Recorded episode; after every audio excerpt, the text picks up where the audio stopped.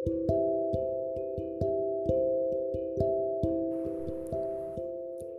kamu, kenalin, aku Mawar, perempuan biasa yang mencoba untuk mencurahkan perasaan dan pemikirannya. Ya, lewat podcast ini. Oh iya, terima kasih banyak buat kamu yang udah ngeluangin waktu buat dengerin podcast ini.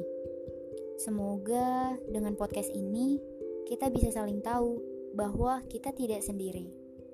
Ada juga orang-orang di luar sana yang merasakan hal yang sama hal yang akan dibahas di podcast ini tentang rasa dan apa pun itu.